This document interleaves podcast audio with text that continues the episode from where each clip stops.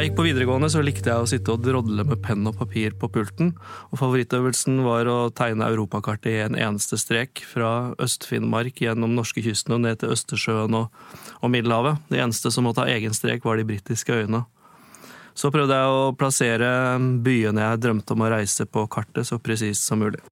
Da videregående var over, så dro jeg på interrail til akkurat de byene. Hjertelig velkommen til skolepodkasten Rekk opp hånda, som i dag handler om kart.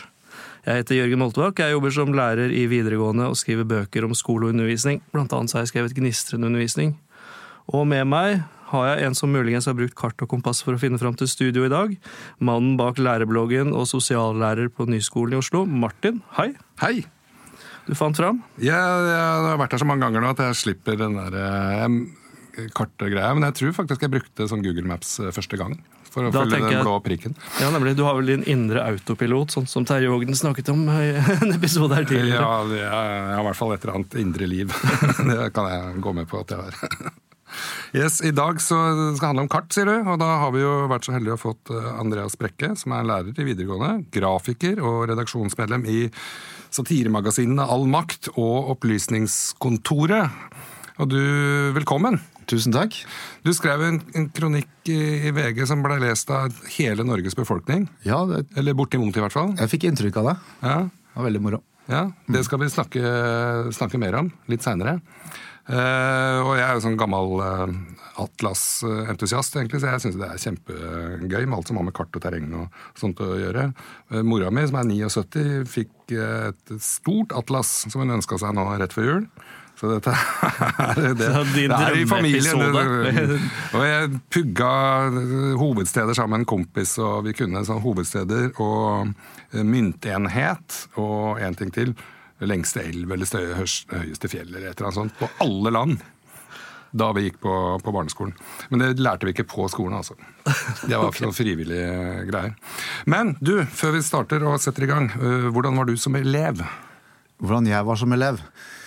Jeg, eh, jeg, jeg trivdes på skolen, jeg. Ja. Jeg synes skolen var en eh, jeg, jeg, jeg har hatt en fin skolegang. Jeg har hatt, eh, hatt noen, de få vennene jeg trengte. Eh, mange bekjente. Eh, uh, og tid til å holde på med mine egne ting mens jeg gikk på skole. Hva var dine egne ting? Ja, jeg satt og tegna. Du satt og tegna? Jeg gjorde det. Jeg gjorde det. Mye tegning. Ja. Um, jeg har likt fag. Jeg har likt hatt, hatt Satt pris på å være på skole, og satt litt pris på å få være litt, litt den som trenger å være litt i fred også. Ja.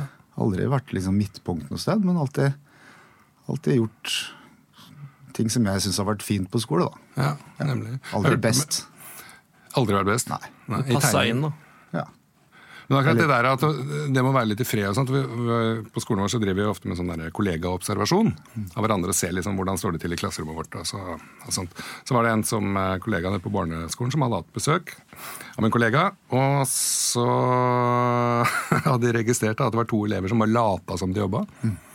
Altså sånn stille elever. De hadde blyantene som førte den bortover ark og så ned og liksom gjorde sånn. De, men de lata som de hadde ikke gjort noen ting. Jeg, var, jeg, var, jeg, jeg var ekspert på å ikke spille blokkfløyte. Ja.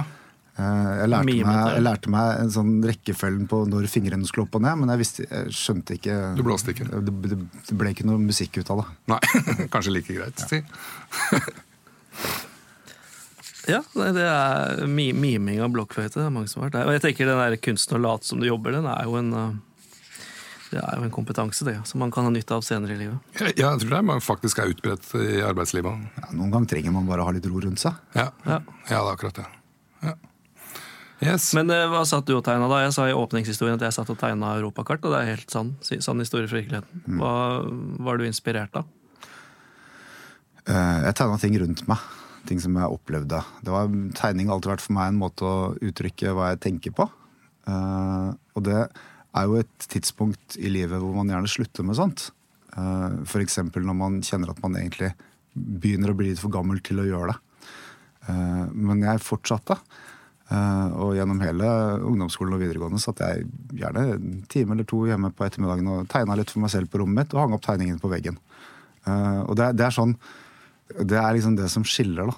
Eh, på et eller annet tidspunkt så slutter du kanskje å tegne for å bli bedre. fordi at du skjønner at det er, du blir aldri best i å tegne. Men så fortsetter man kanskje å tegne fordi at det, det gjør noe annet. Ja. Eh, og for meg så var det en måte å ordne hodet mitt på, og tenke litt for meg sjøl. Ja. Ha en fin tid. Koste meg. Og det å få det opp på veggen er også betyr noe. Ja, det var også. viktig for meg. Ja. Da hadde jeg orden på meg selv og hadde alle tankene mine rundt. Hengende på veggen. Ja, Alle kunne se. Ja. Jeg husker jeg gjorde det med, da jeg tok X-Fill på hybelen. At jeg liksom tapetserte hele veggen med tidslinje rundt med tegninger og piler. og... Det er en veldig, veldig fin måte å gjøre det på.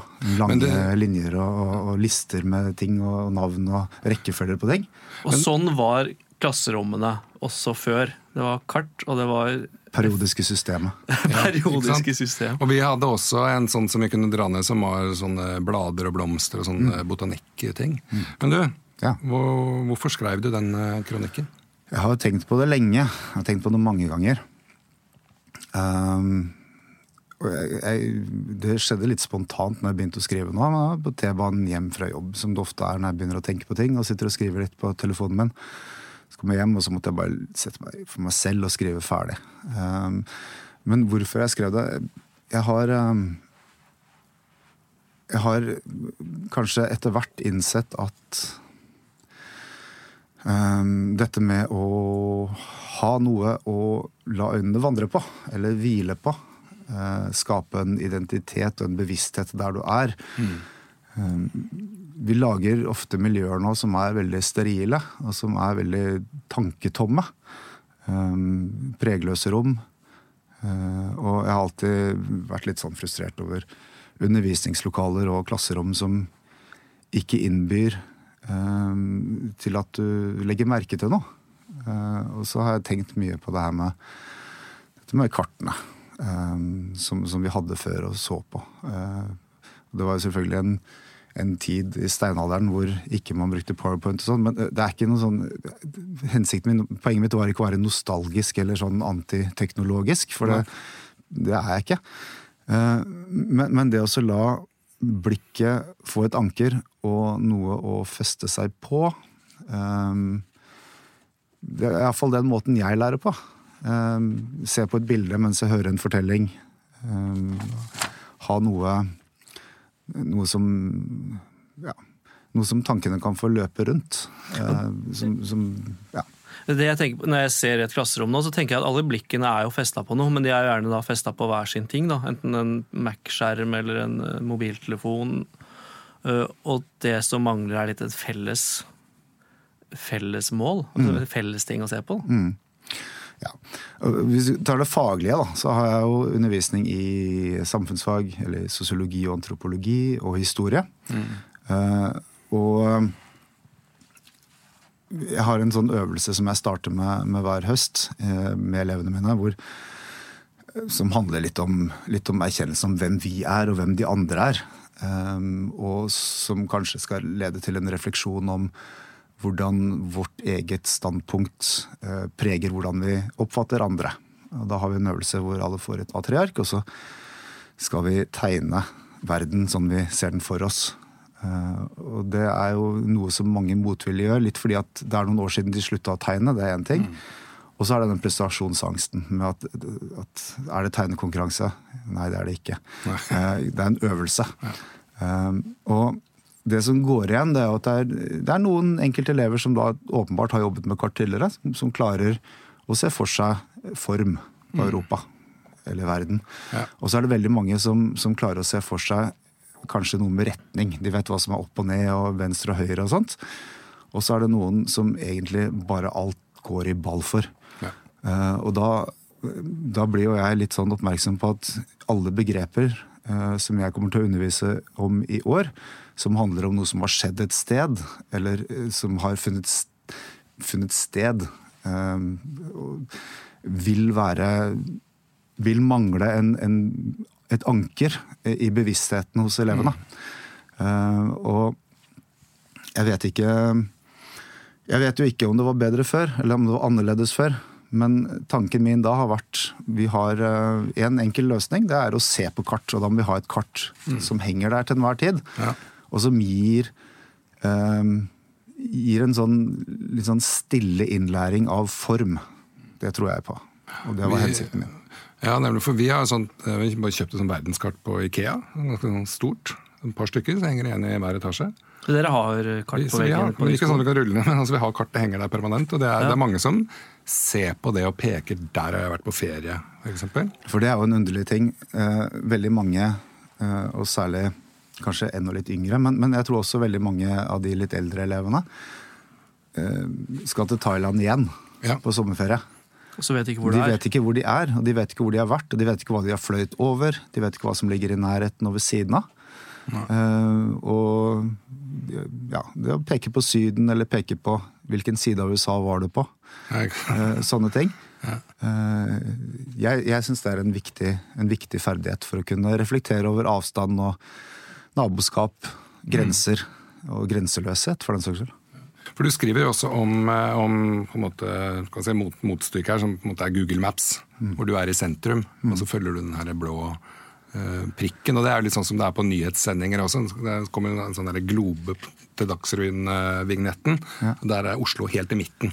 Der, eh, I USA, eller i Washington, så er Washington i midten. Så man setter seg alltid selv i midten for verden. Så det er en sånn Jeg jobba ti år som eh, grafiker i VG, Ja. eh, i redaksjonen der. Og en av mine oppgaver var å lage kart til nyhetssaker. For alle nyhetssaker måtte ha kart. Vel vitende om at folk vet ikke eh, hvor eh, Moskva er, hvis ikke de får det vist og repetert gang på gang på gang.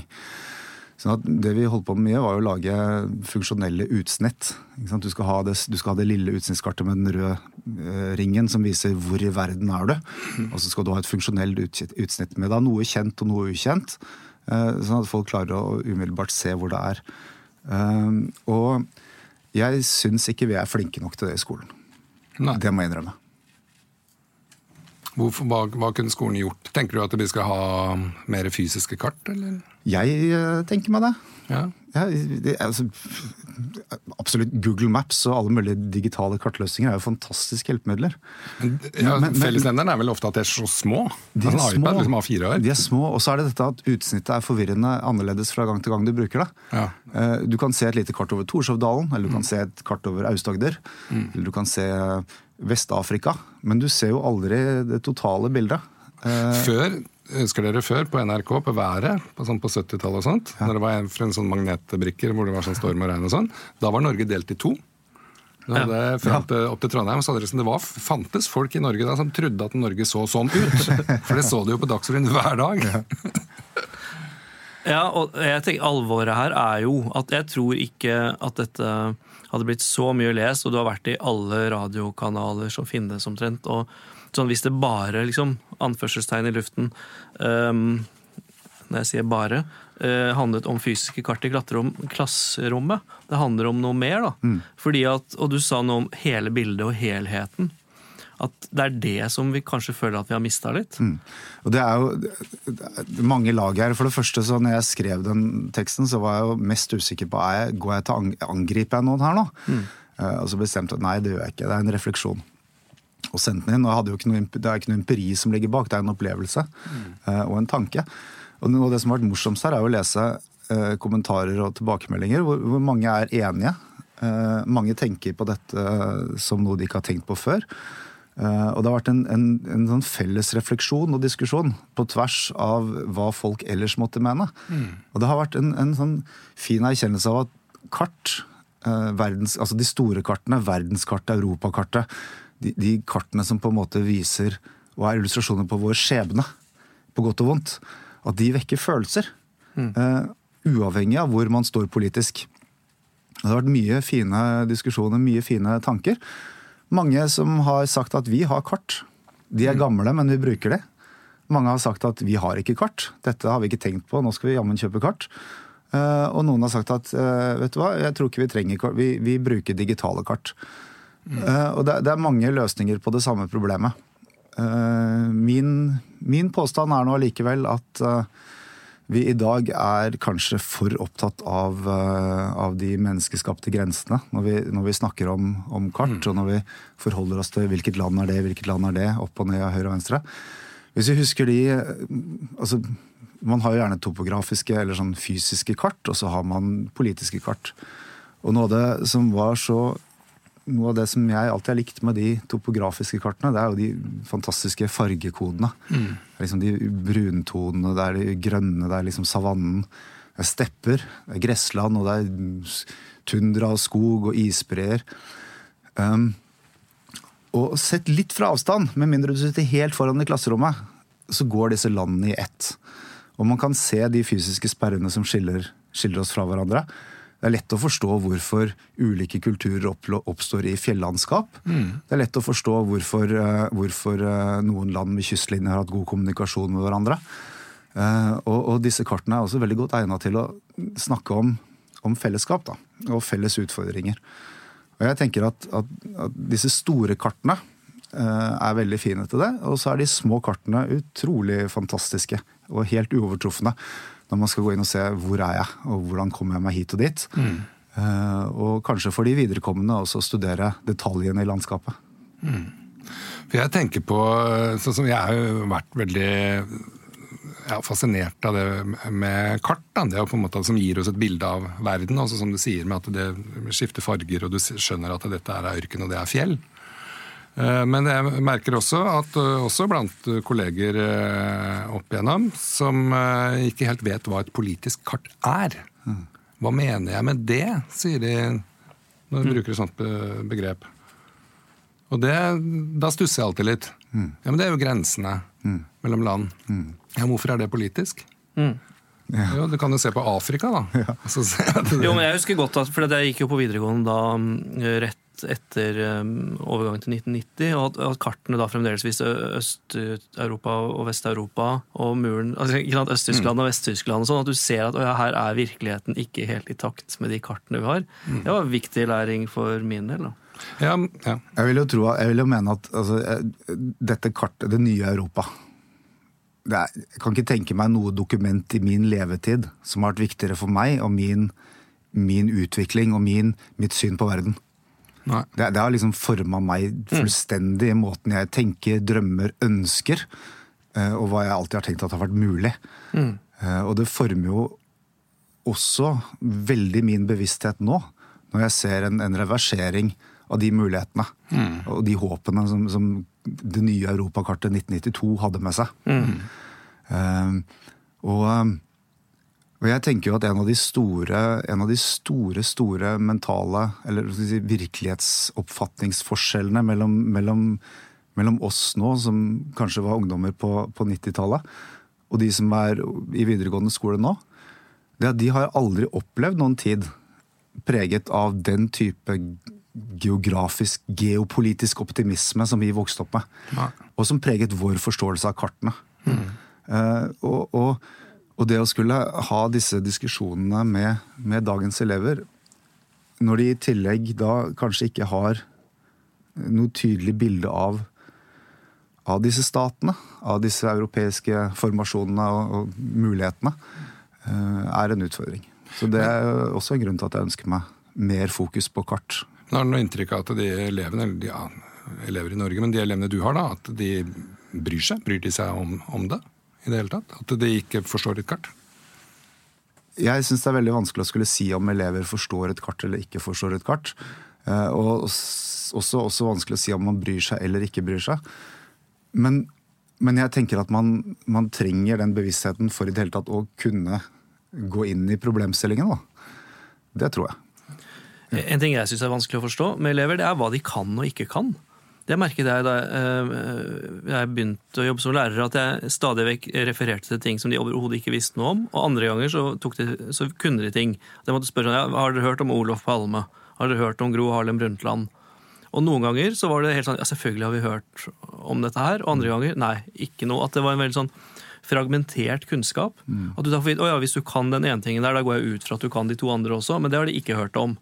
Ikke sant? Det var en kollega som sa at vi, da vi vokste opp, hørte hele album. Mens elevene nå kan enkeltlåter. mm. Ikke sant? De har funnet en låt de liker, men de har ikke noe begrep om, om, om, helheten der. Og det er det jeg egentlig tenker på som en sånn underliggende ting her, med at kartene har blitt borte.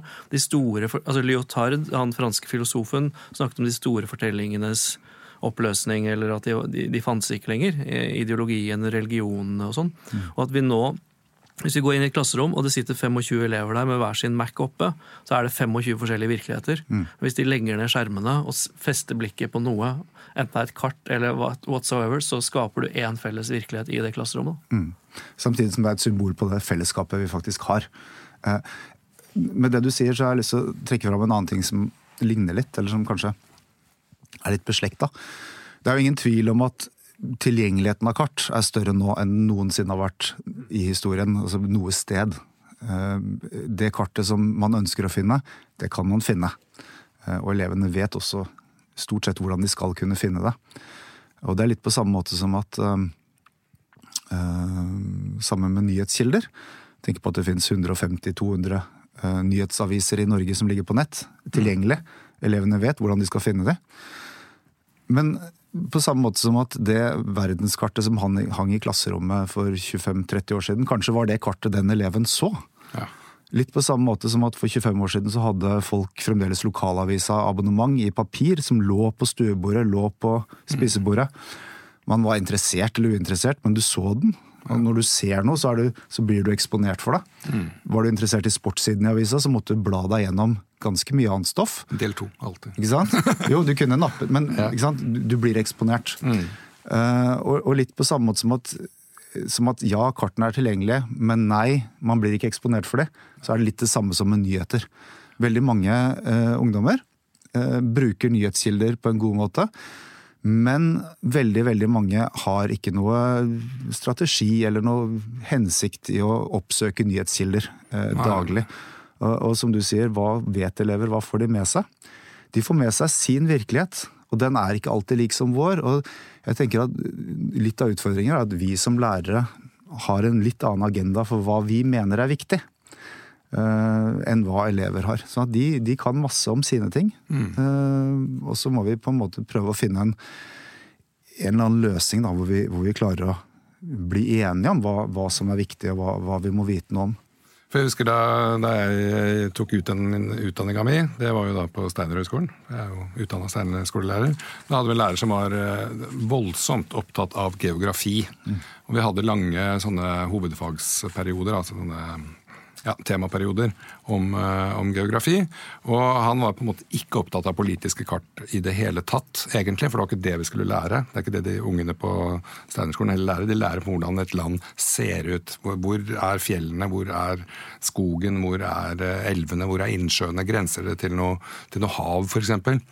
Men så, eh, så vi hadde jo etter hvert et ganske godt bilde av hvordan verden så ut, som på et kart. Og så kan man si at du har eh, liksom på, på venstre kartet så har du Sør-Amerika. En sånn slags litt dråpeform med en sånn liten øy på høyre side. Afrika, litt sånn dråpeaktig form med en litt sånn øy på høyre side. India, altså en litt sånn dråpeaktig form med en liten sånn øy på Er ikke det rart? De er helt like. Ikke sant? Og så sier han 'vet dere hvorfor det er sånn'? Og, ja, nei, nei, det er ingen som vet hvorfor det er sånn. Det bare er sånn. Det er kjemperart. Og, ja, ikke sant? Og det var så fascinerende. Så man blei sittende der som en sånn derre Wow, så kult at det fins ting vi ikke vet noe om. Ja. Det fins ting igjen å, å, å finne ut av, liksom. Men også, jeg har gjort det også, eller tatt akkurat den samme historien overfor elever, og de blir like sånn himmelfallende. Wow! Er det sant? Ligner det sånn? Og da ser de kartet. Men de ser ikke formene, for det er så mye informasjon. Så du må peke ut. ikke sant? Men det er veldig fascinerende. altså. Jeg ble helt målløs. Jeg. Ja, Sånn er det. jeg så det for meg. Ja. Men han, altså, var- han, må jeg si, han var en sånn motstander av sånn at uh, Italia ser ut som en sko. Nei! Sånn, det ser ikke ut som en sko. Har du en sånn, sett en sånn Ja, sko noen det, noen det gang? skrev du i kronikken. eh, Italia ser ikke lenger ut som en sko. Og jeg tenker, Det er jo en sånn fin måte å lære det på. altså En sånn felles forståelse. Ja. Men altså den tiden Nå er vi jo tre voksne menn som sitter her og snakker om 80- og 90-tallet og sånn. Og den tiden der verden var veldig oversiktlig og enkel, og alle visste hva som hadde gått på TV i går, den er jo ikke der lenger. Nei. Og den kommer ikke tilbake.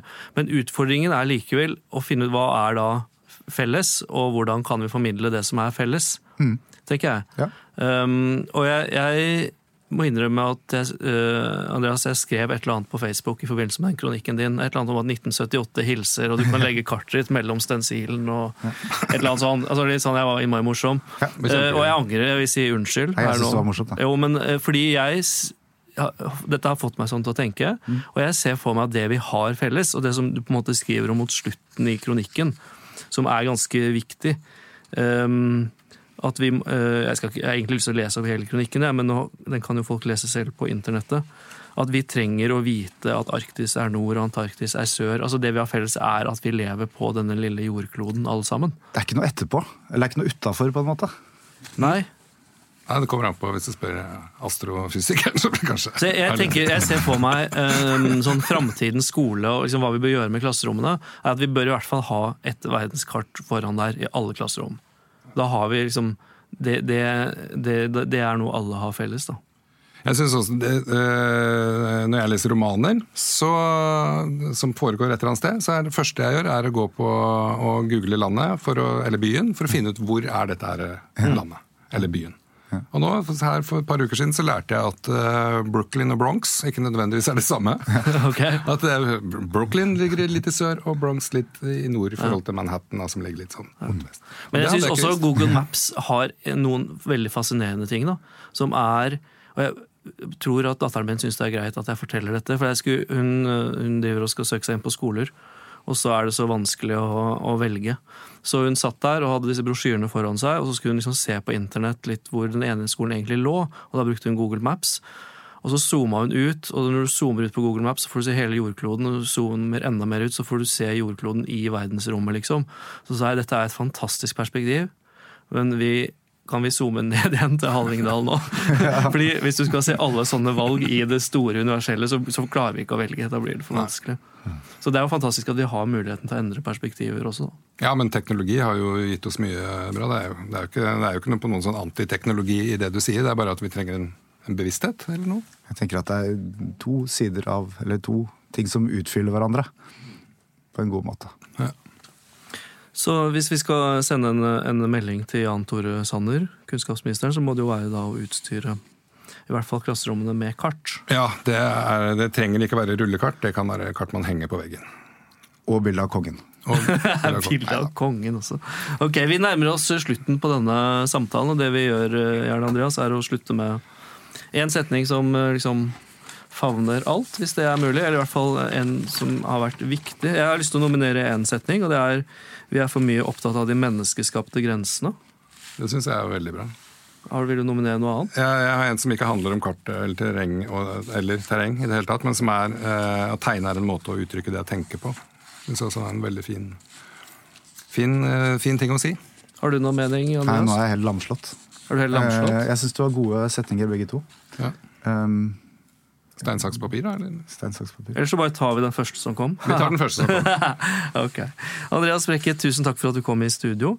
Eh, Vi er for mye opptatt av de menneskeskapte grensene, er dagens eh, one-liner. Dette var en episode av skolepodkasten Rekk opp hånda. Husk å abonnere. Hør gjerne gamle episoder i arkivet, og så er vi tilbake neste uke.